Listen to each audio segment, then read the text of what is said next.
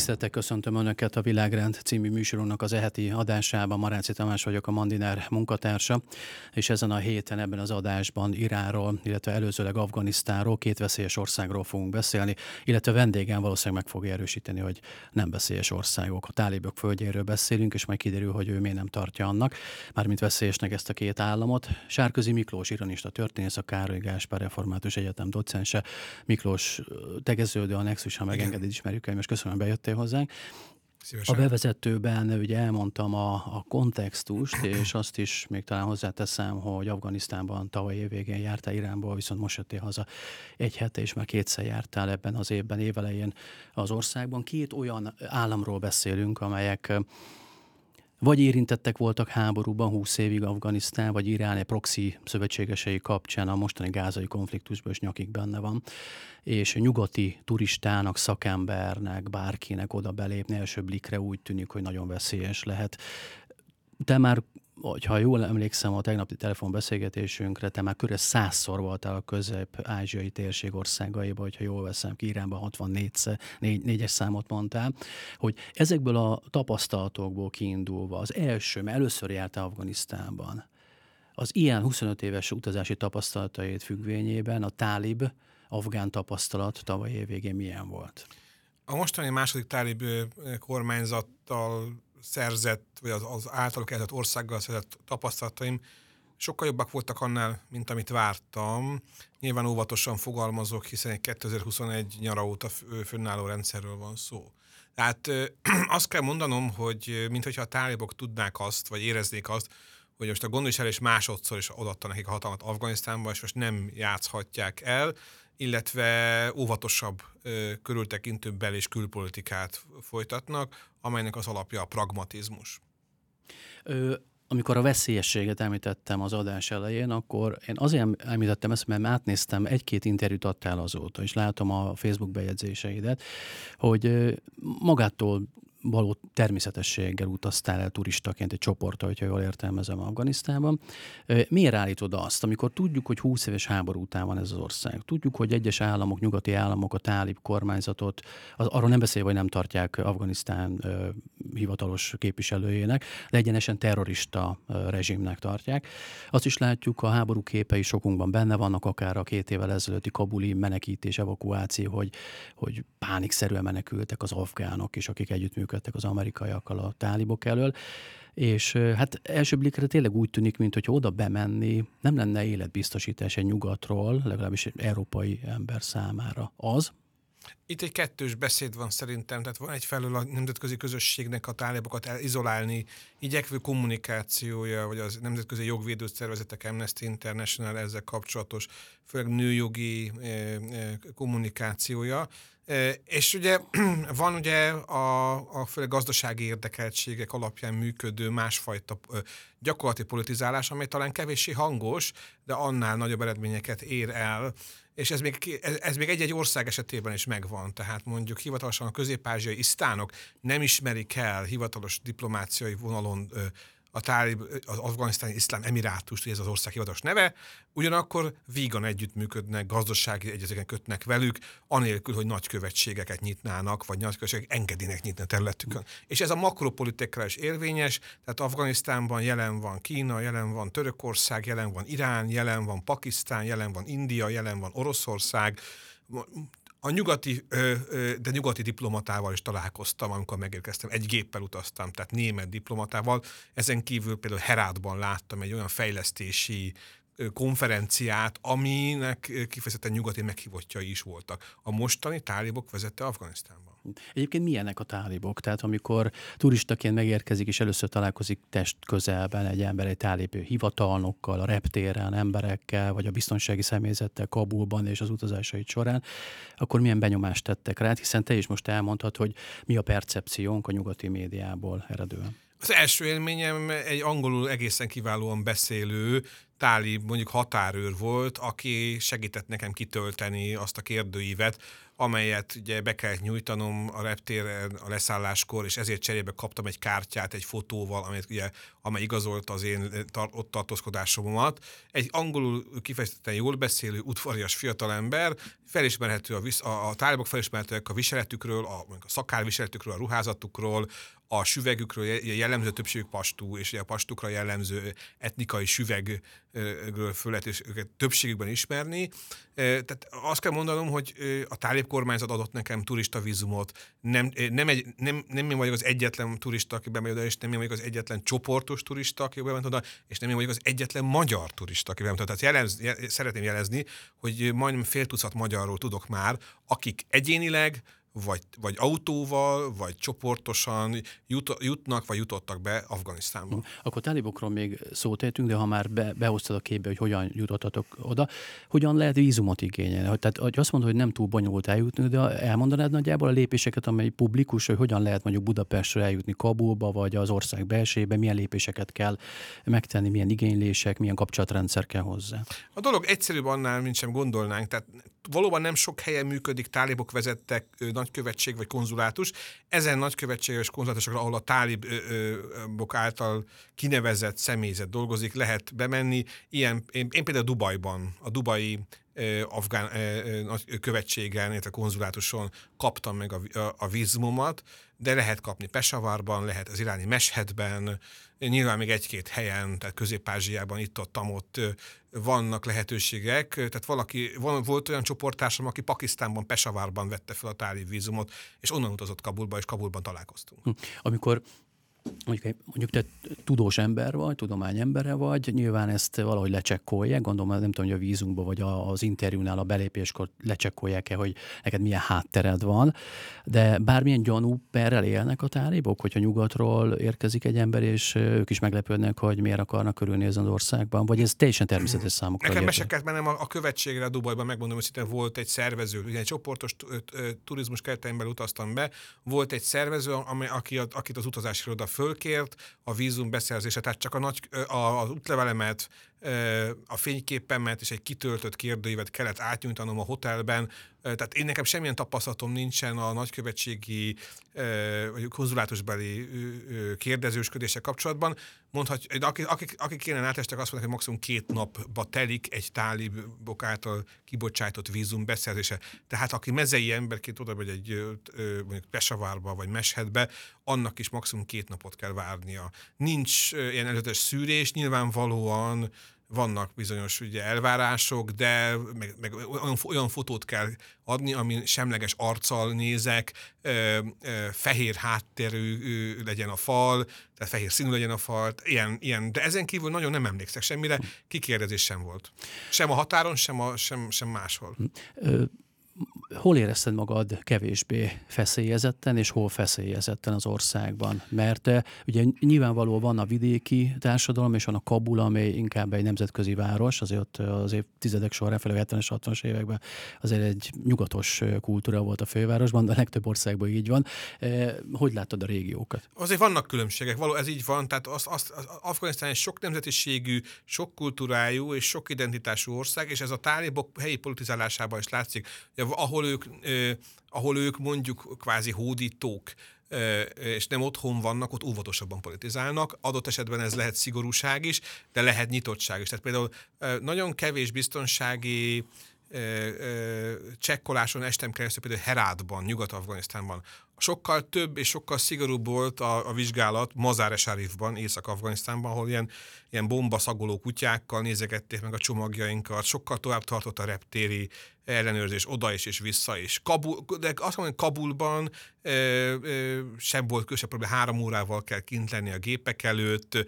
Egy ilyen szokásos keleties kényelmesség volt, de láthatóan beolajozott rendszerről van szó.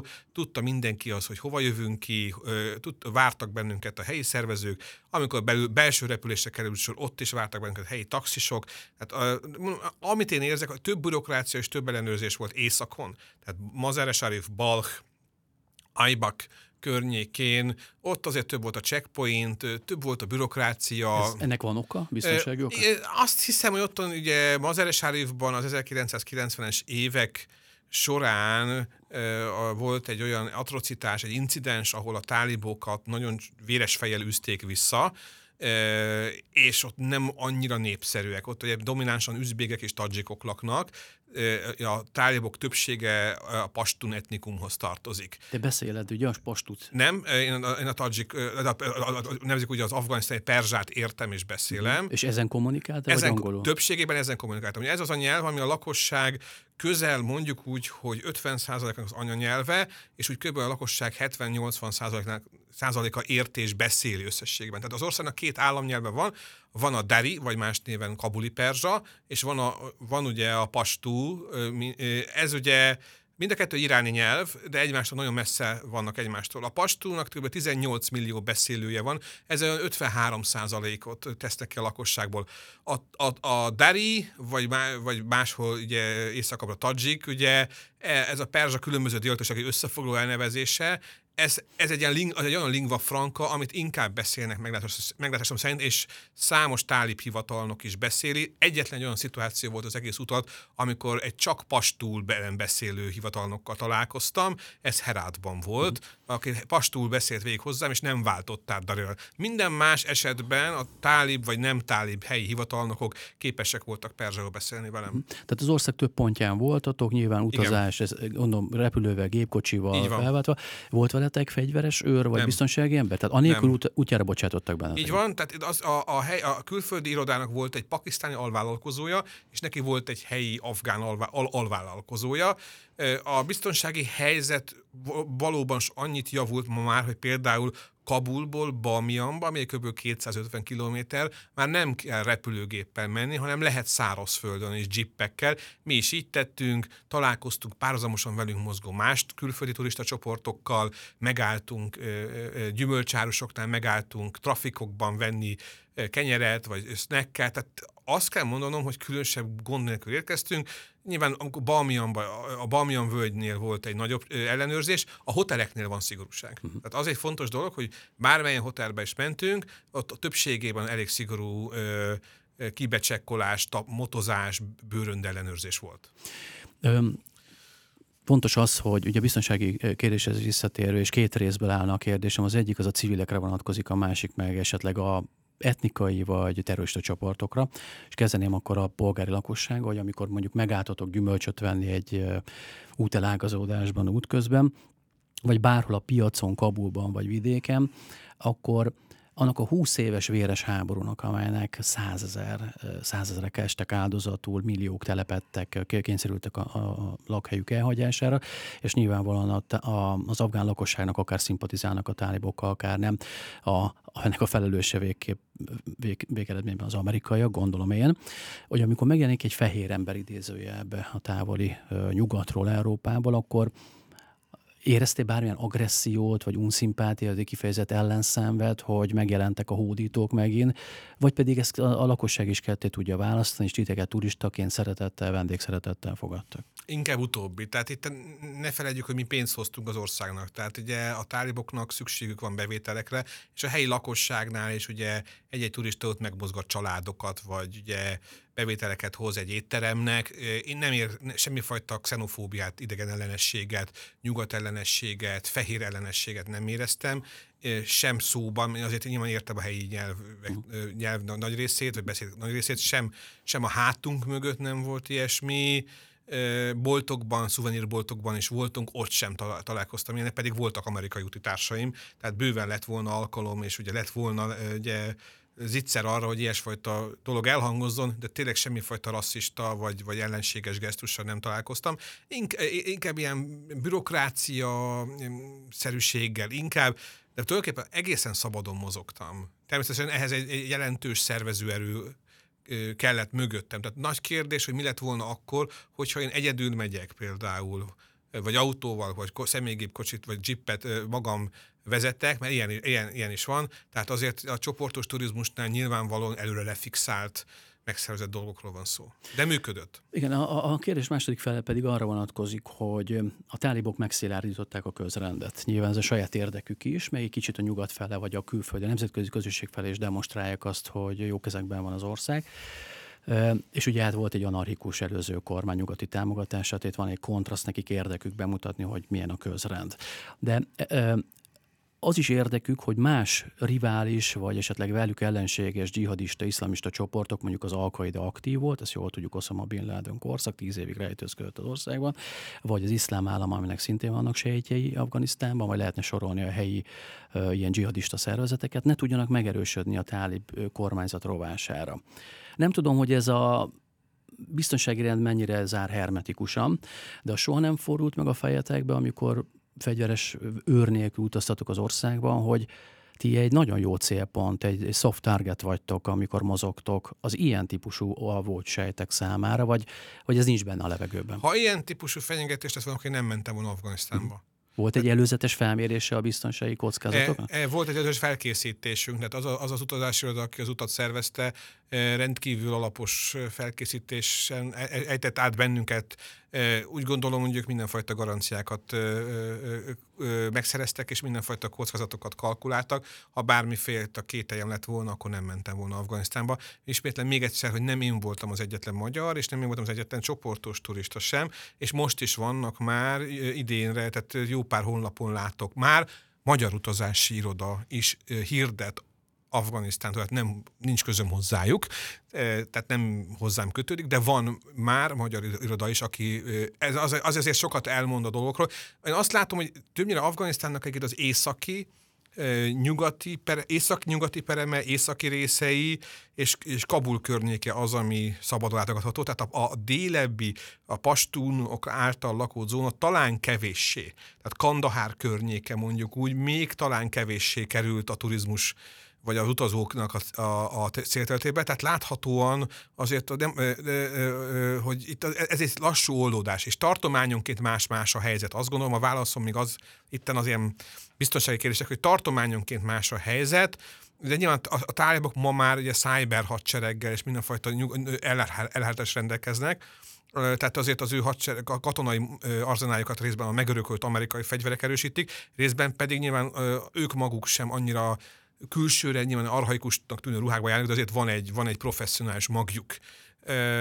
Vannak persze problémáik, itt főleg ugye most a, nem, is az, nem csupán az al a, vagy, az, vagy az ISIS-nek a sejtjeire gondolok, de itt van például a pakisztáni afgán villongás, a Pakisztánban lévő afgán menekültek visszatoloncolása, ez egy jelentős teher, ami, amit most Pakisztán megpróbál ráterhelni Afganisztánra. Ez szerintem egy súlyosabb kihívás, hogy hirtelen több millió embert visszalöknek Afganisztánba, mint bármilyen más fenyegetés. Tehát a tárgyalak egyébként tényleg olyanok, hogy, hogy deklaráltan hirdetik a békét, a meg, nevezük úgy a, a konszenzust, a, a, mi, a mi sikerünk titka, a mi egységünk. Ilyen mondatok szerepelnek több helyen. Tehát ugye, tudom én, Ramze Piruzie ma, vágtete ma ez, ez állandóan szerepel, vagy egymást fogó kezek, így egymás, az ország egységét hangsúlyozó dolgok. Nem arra törekszenek, hogy ugye a, korábbi első tárban alatt, hogy kihangsúlyozzák a saját tálipságukat, vagy ugye irritálja, vagy kevésbé irritálnak ugye, helyi közösségeket. Azt mondják, hogy például a Nóruzt, ugye az iráni tavaszünnepet megszüntették, mint állami ünnepet, de azt mondják, aki magán magánúton azt ünnepelni akarja, nincsen kifogásuk ellene. Keresztények. Nincs keresztény közösség Afganisztánban. Tehát Igen, de... semmilyen szinten keresztény, hindu, szik vagy zsidó közösségben nincs Afganisztánban. Tehát keresztények nem léteznek, mert Nincs. hát nagyon érdekes. Sí, itt a sít, a szunita különbségtétel van, tehát itt leginkább az első tálib kormányzat alatt, főleg ugye a hazarák szenvedtek, ez egy, egy mongol származású, több mint 12-es síta vallású kisebbség. A, a hazarapastún ellenségesség gyökere a 19. század második fél vennek vissza. Ez lángolt fel az első tálib kormányzat alatt, de minthogyha ott is, ugye én jártam most hazara területeken, Balmian környékén, egy valamilyen völgyben, Bandámir tavak környékén, ott sem látni ugye elsőre nagyobb feszültséget. Nyilván, hogyha ott élnék, az egy más dolog lenne. Arról lehet hallani, arról lehet hallani, hogy mondjuk etnikai pastonokat telepítenek Észak-Afganisztánba, özbegek és tadzsikok közé, ami nyilvánvalóan okoz feszültségeket a, a, föld, a földbirtokrendszernél, a mezőgazdasági birtokrendszernél, a vízelosztásnál Ennél nagyobb probléma a vízkérdés például, meg a, meg a, meg a mezőgazdasági javak beszerzése, de itt a tálibok nagyfokú pragmatizmussal állnak a dolgok elé, és a regionális együttműködésre helyezik a hangsúlyt. Tehát Afganisztán, Tajikisztántól elektromos áramot vesz, Üzbegisztántól, Kazaksztántól élelmiszert ö, ö, ö, vesz és üzemanyagot vesz. De Türkmenisztánnal is ezt csinálják. Építenek, építenek egy üzbég, afgán, pakisztáni vasútvonalat, amivel szintén az ország gazdaság életét akarják javítani.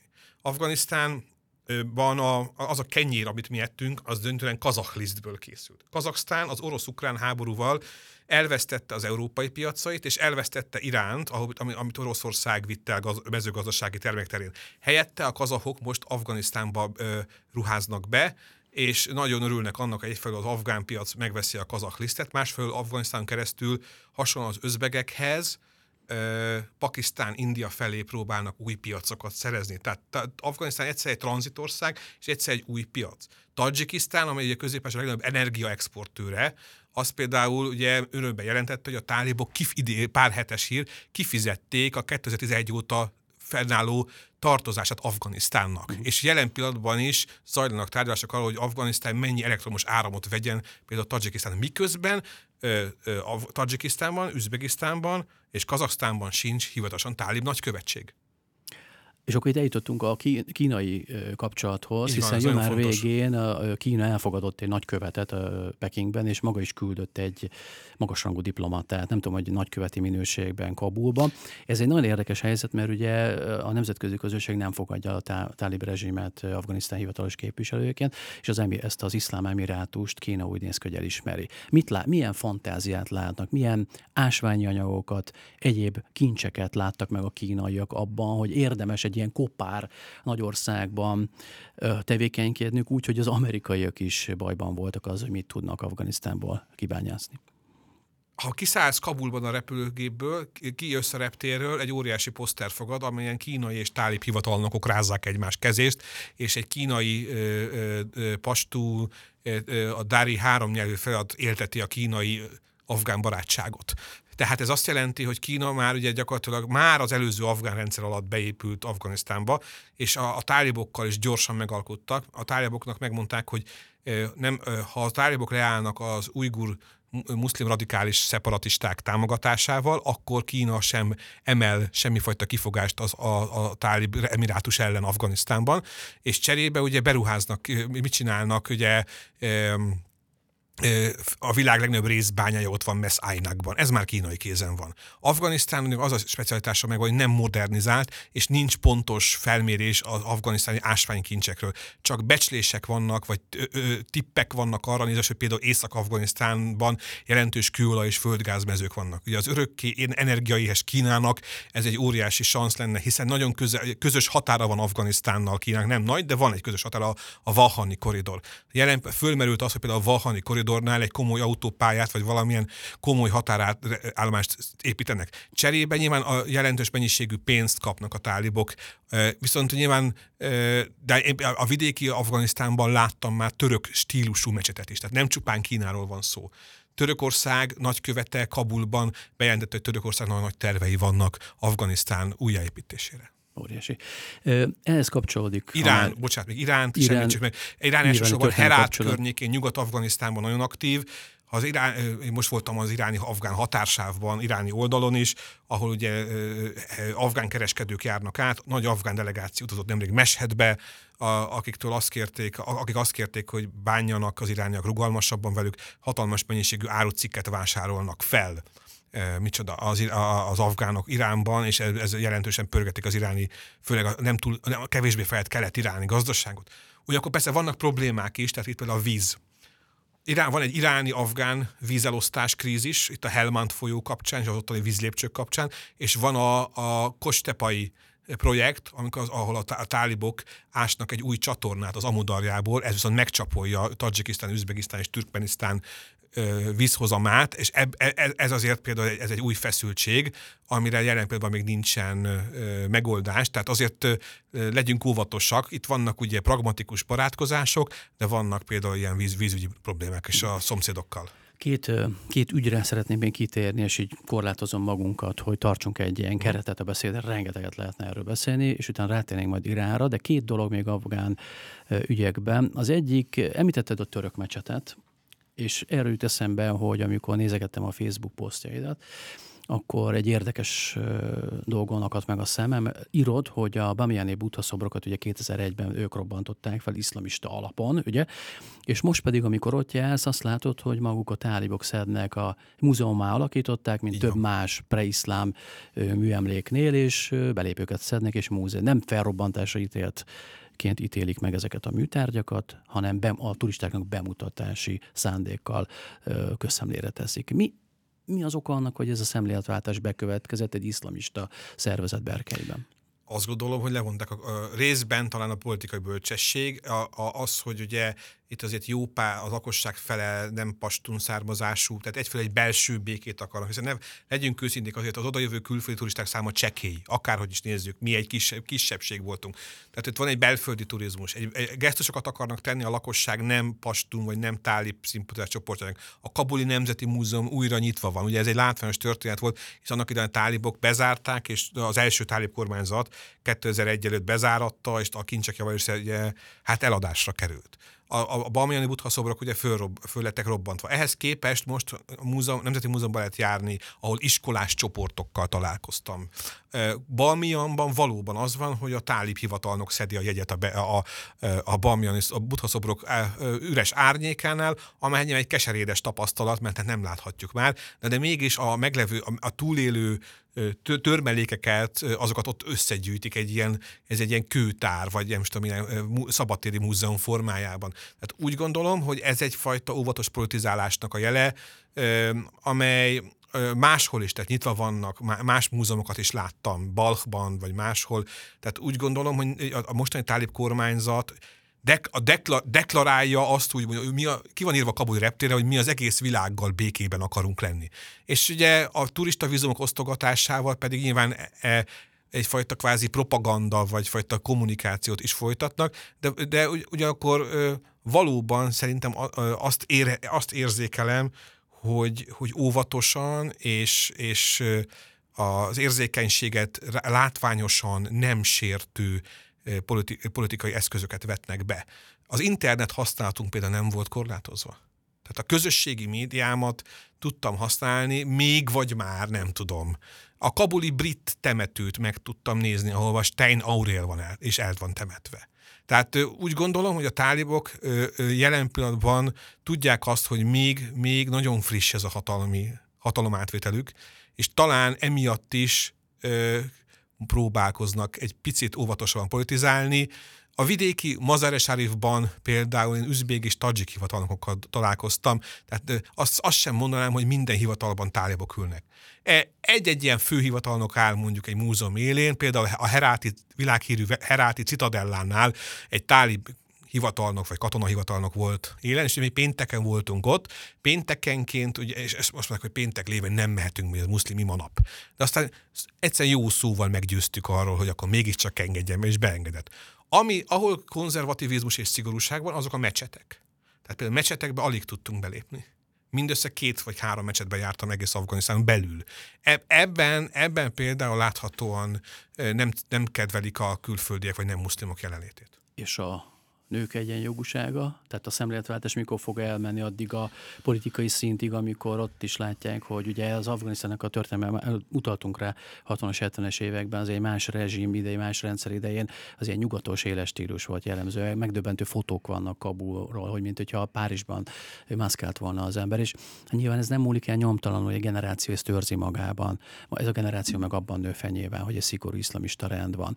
A kérdés, és itt, itt még becsatornáznék még egy dolgot, mert a kereszténység ügyét nem beszéltük meg. Azért lepett meg, amit mondtál, hogy nem létezik a kereszténység, mert az Open Doors-nak az éves jelentése szerint Afganisztán a tizedik legveszélyesebb ország a keresztény üldözés szempontjából, akkor ez, ezek szerint egy, ez arányaiban végeztettek ilyen felmérést, akkor ezek szerint egy mikroszkópnyi keresztény csoport lehet Afganisztán, és annak az üldözése jelenti azt, hogy tizedik legveszélyesebb ország. Ez egy A kérdés, de a fő kérdésem a nők joga.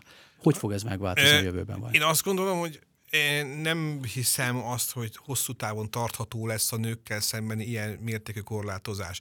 Ugyanis, hogyha a tálibok például vidéken konszenzust vagy nyugalmat akarnak, ahhoz, ahhoz még nővérek, ápolónők, a nőket külön gondozó nőgyógyászok, női, női orvosok kellenek, azoknak a képzését pedig előbb-utóbb meg kell oldani. Tehát a, az én egyik ö, helyi idegenvezetőm az azt panaszolt, hogy a feleség egy orvos, és haza van küldve. Tehát nem praktizálhat kórházban. És ez egy valóban súlyos probléma, ez kár is tagadni. Viszont ugye most az a helyzet, hogy 12 éves korig tanulhatnak lányok iskolába. Tehát az nem igaz, hogy egyáltalán nem járhatnak iskolába. 12 éves korig lehet, még hat osztályt végezhetnek. E fölött azonban már talánképpen csak bizonyos tartományokban vannak ilyen magániskolák, meg magánnővérképzők, amelyeknek a státuszát a helyi tálib főnökök döntik el. Tehát az is egy érdekes dolog, hogy azért egyfajta decentralizáltság jellemző, bizonyos tartományokban többet engednek a nőknek, bizonyos helyeken meg kevesebbet. De összességében ez egy kemény ügy lesz, és szerintem e, már Szauda, például Szaudarábia és Pakisztán is felszólította a tálib kormányzatot, hogy ebben a kérdésben például mutassanak nagyobb rugalmasságot, hogy a nők is járhassanak egyetemre, vagy bizonyos értelemben a foglalkoztatottságban vonják be őket. Ha a tálibok továbbra is ezt a fajta konszenzus kereső politikát akarják fenntartani, meg egyáltalán az országon belüli imázsukat hosszú távon akarják biztosítani, akkor előbb-utóbb szerintem bele kell, hogy menjenek. Nem vagyok időjós, nincs egy varázsgömböm, de láthatóan ez a tálibkormányzat kerüli azokat a látványos nőellenes, mizogűn gesztusokat, mint amit 2001 csináltak, női konfekcióüzletek vannak, tehát Herátban olyan, olyan üzleteket látom, mint hogyha Iránban, vagy, vagy mondjuk az öbölbeli arab országban jártam volna. Tehát azért igenis a, a burka viselet például nem kötelező, Nyilván, tehát vannak bizonyos akik burkában járnak, mások viszont ilyen csadorszerű viseletben járnak. A nők esetében nyilvánvalóan a dolog irritáló és kellemetlen, és nyilvánvalóan nőként nem érezném jól magat Afganisztánban. Viszont nézzük meg, hogy mi lesz mondjuk három év múlva, vagy öt év múlva. Hosszabb, ez egy hosszabb periódus, amikor majd szerintem egy, talán, egy, talán kialakul egy konszenzus.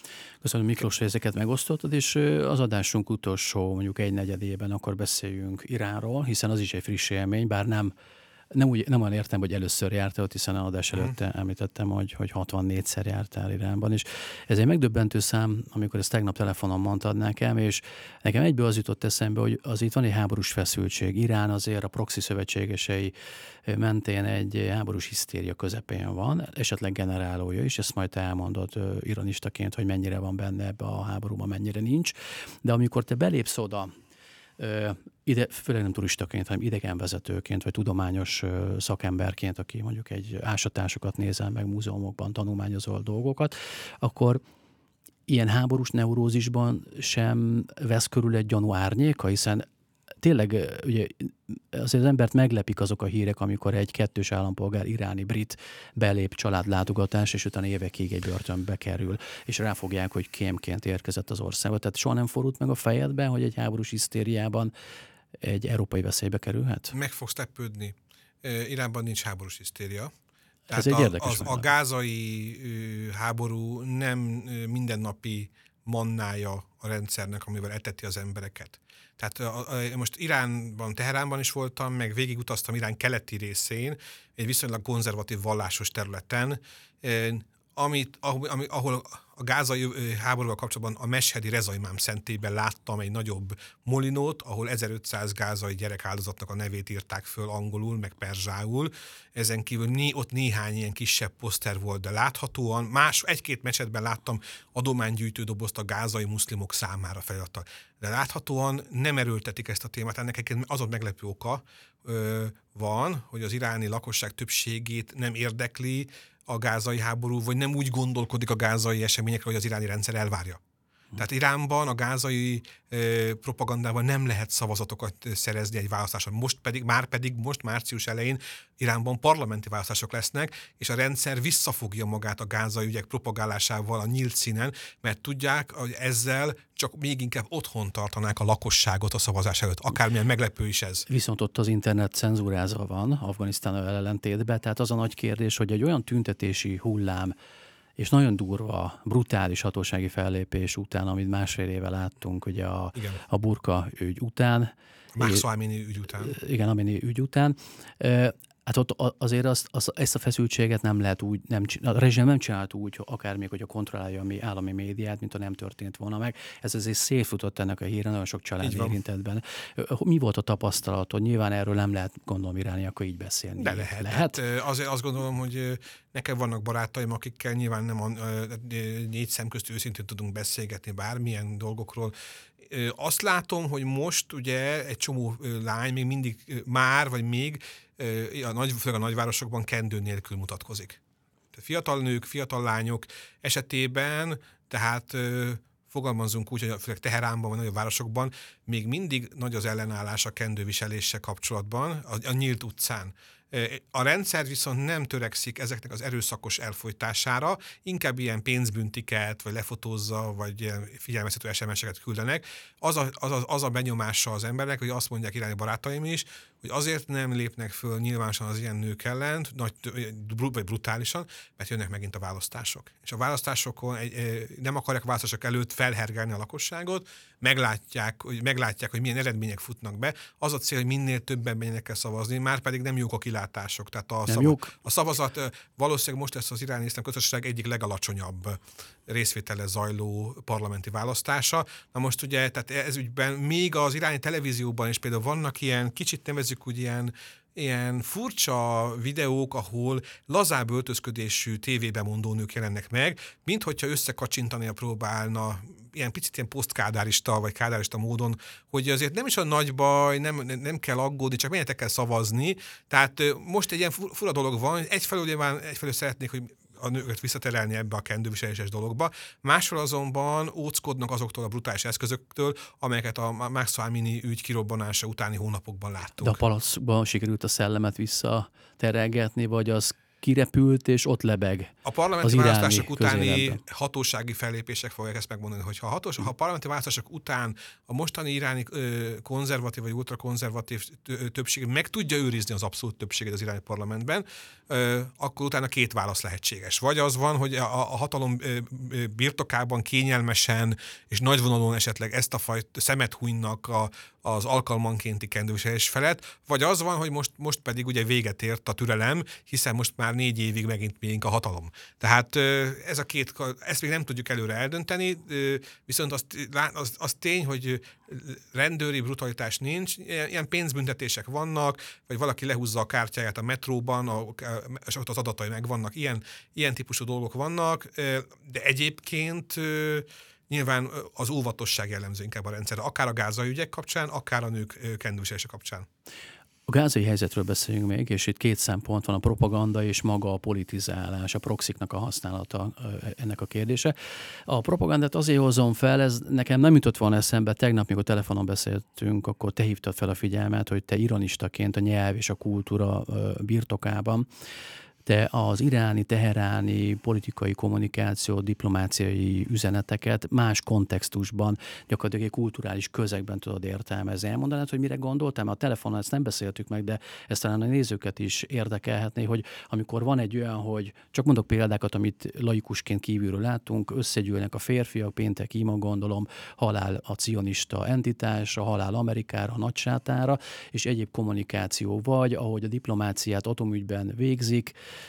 ahogy a proxy, ahogy kívülről békét hirdetünk, a perzsa állam soha nem hódított, nem csak védekezett mindig is, soha nem támadunk, ugyanakkor nem építünk atombombát, de azért mégis a Nemzetközi Atomenergia Ügynökség azért lát valamit. Tehát itt van egy ilyen kettős beszéd, ami jellemző az iszlámra, de itt egy perzsa diplomáciai fogást érzékelünk, és te ennek az értője vagy. Hogyan értelmezed ezeket az üzeneteket? Mindig érdekes figyelj, azt figyelj, érdemes figyelni, hogy az adott interjúadó az kihez tartozik, melyik hatalmi csoporthoz, melyik vallási közösséghez, mert vannak azért árnyalatok. Tehát ez nagyon fontos, külsőleg egységes kommunikációk tűnik, de azért vannak árnyalatok.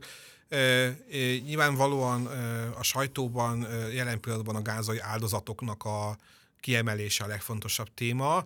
A radikálisabb csoportok pedig a mártírkultusz erőltetik. Tehát Teheránban lehet látni például hatalmas a, Szíri- Szíriában elesett vagy megölt iráni forradalmi gárdista parancsnokok, tábornokokat, amint magukban le vannak fotózva, vagy rengetegen lehet Szolejmani képét, Kassem Szolejmani képét látni. Itt kialakul, tehát kialakul egy új sít a mártirológia, amelynek a fő mártírja Szolejmani, illetve a szíriai, a szíriai most elesettek. Ez egy, és az erre való, erre való hangsúly eltolódás az egyik érdekesség. A másik szerintem, ami, ami finom érdekesség, az a, az a, patriotizmus elemeinek a hangsúlyozása. Tehát ez, úgy, ahogy te is mondtad, tehát őket nem támadó, hanem egyfajta iránt védő, tá, honvédő tábornokoknak, hazafiaknak állítják be. Itt főleg Szolejmani, Szolejmani kultuszánál van ez, és nyilván a proxik esetében is azt látjuk, hogy őket az iráni retorikában elsősorban mint Iránt védő bástyákat szemlék, nem pedig az iráni hatalmi politizálás előre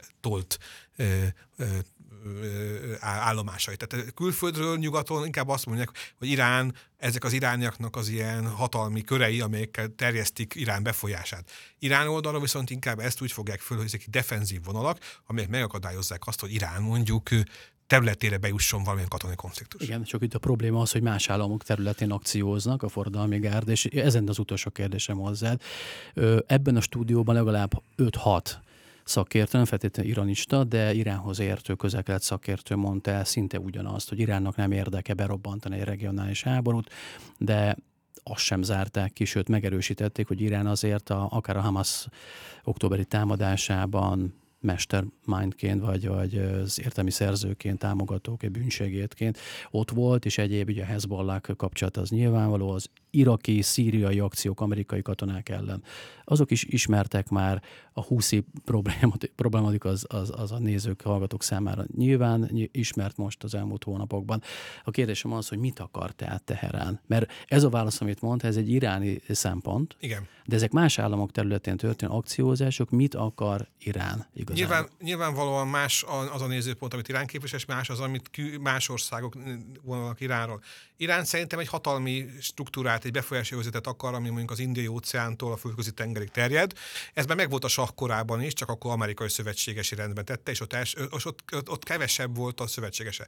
Amióta ugye síta muszlim identitást váltottak, vagy arra mentek, azt hangsúlyozzák, azóta ugye elsősorban a vallási alapon való szövetséges és megy. Iránnak az a célja szerintem, hogy mondjuk a földközi tengertől indiai óceánig legyen egy zóna, ami az övé pontosabban a befolyása az övé. Ezt ki lehet nyugodtan mondani, és itt a, a, a Sykes-Picot egyezménnyel ugye létrejött határoknak a nevezzük úgy felülírása a cél, pontosabban helyette a különböző ilyen félállami milicista struktúráknak a támogatása. Ezt, és ez, ez ügyben ugye ők úgy gondolják, hogy ők Libanontól a síta félholdon keresztül egész, amik a mai Pakisztánig vagy Afganisztánig terjesztik ki a csápjaikat, de ugye és ebben meg azért valójában ebben sikeresek is. Tehát ugye itt főleg Irak déli része, Szíria bizonyos részei, vagy Libanon déli része nagyon jelentősen irányi befolyás alá került, és jelen pillanatban Irán szerintem valóban nem akar háborút, de azt sem akarja, hogy a befolyása megcsappanjon. Nekik már most jó az egyébként, igazából iráni szempontból, én most elemzést, már két sikerük van, úgymond, amit ők sikernek gondolnak. Az egyik az, hogy megtorpedozták az izraeli szaudarábia közötti diplomáciai kapcsolatfelvételt, vagy hivatalos diplomáciai elismerést, másfelől pedig ugye a, a, tehát az izrael szembeni, vagy a nyugat ellenes érzelmeknek a fellobbanása a gázai szenvedés révén már ugye megint csak ugye Iránhoz közelíti a közelkeleti muszlimok jelentős tömegeit. Ők ezt sikerként, nevezzük úgy sikerként adják el, ami nyilvánvaló, a, a politikai haszonszerzés szempontjából fontos. Tehát nekik nem céljuk az, hogy ezt lerombolják, hogy ezt a fajta állapotot, ezt egyfajta meg, megőrizni és hosszú távon megőrizni, ez a céljuk. Nyilván azonban, ugye itt azért vannak kihívásaik, például nyilván, hogy mi lesz mondjuk a Hezbollah és Észak-Izrael közötti háborús, egyre, egyre inkább gerjedő konfliktussal. Erre nincsen jó irányi sem. Arra vigyáznak, hogy, hogy iráni hadsereg ne kerüljön ebbe bele, viszont nyilván munícióval, tanácsadással, tréningekkel támogatják őket. Miklós, Ezen a ponton bezárom a beszélgetést, hogy emészhető legyen a hallgatóknak, nézőknek, elég sok információ elhangzott, és innen lehetne folytatni még a regionális konfliktusnak az elemzését, de akkor ez legyen egy másik beszélgetés tárgya. Köszönöm szépen, hogy itt volt, és elmondtad ezeket. Én köszönöm szépen. Kedves nézőink, hallgatóink, Sárközi Miklóst hallották, látták. Ez volt a heti adásunk Afganisztánról, Iránról. Jövő héten folytatjuk. Köszönöm a figyelmüket. Viszontlátásra, viszonthallásra.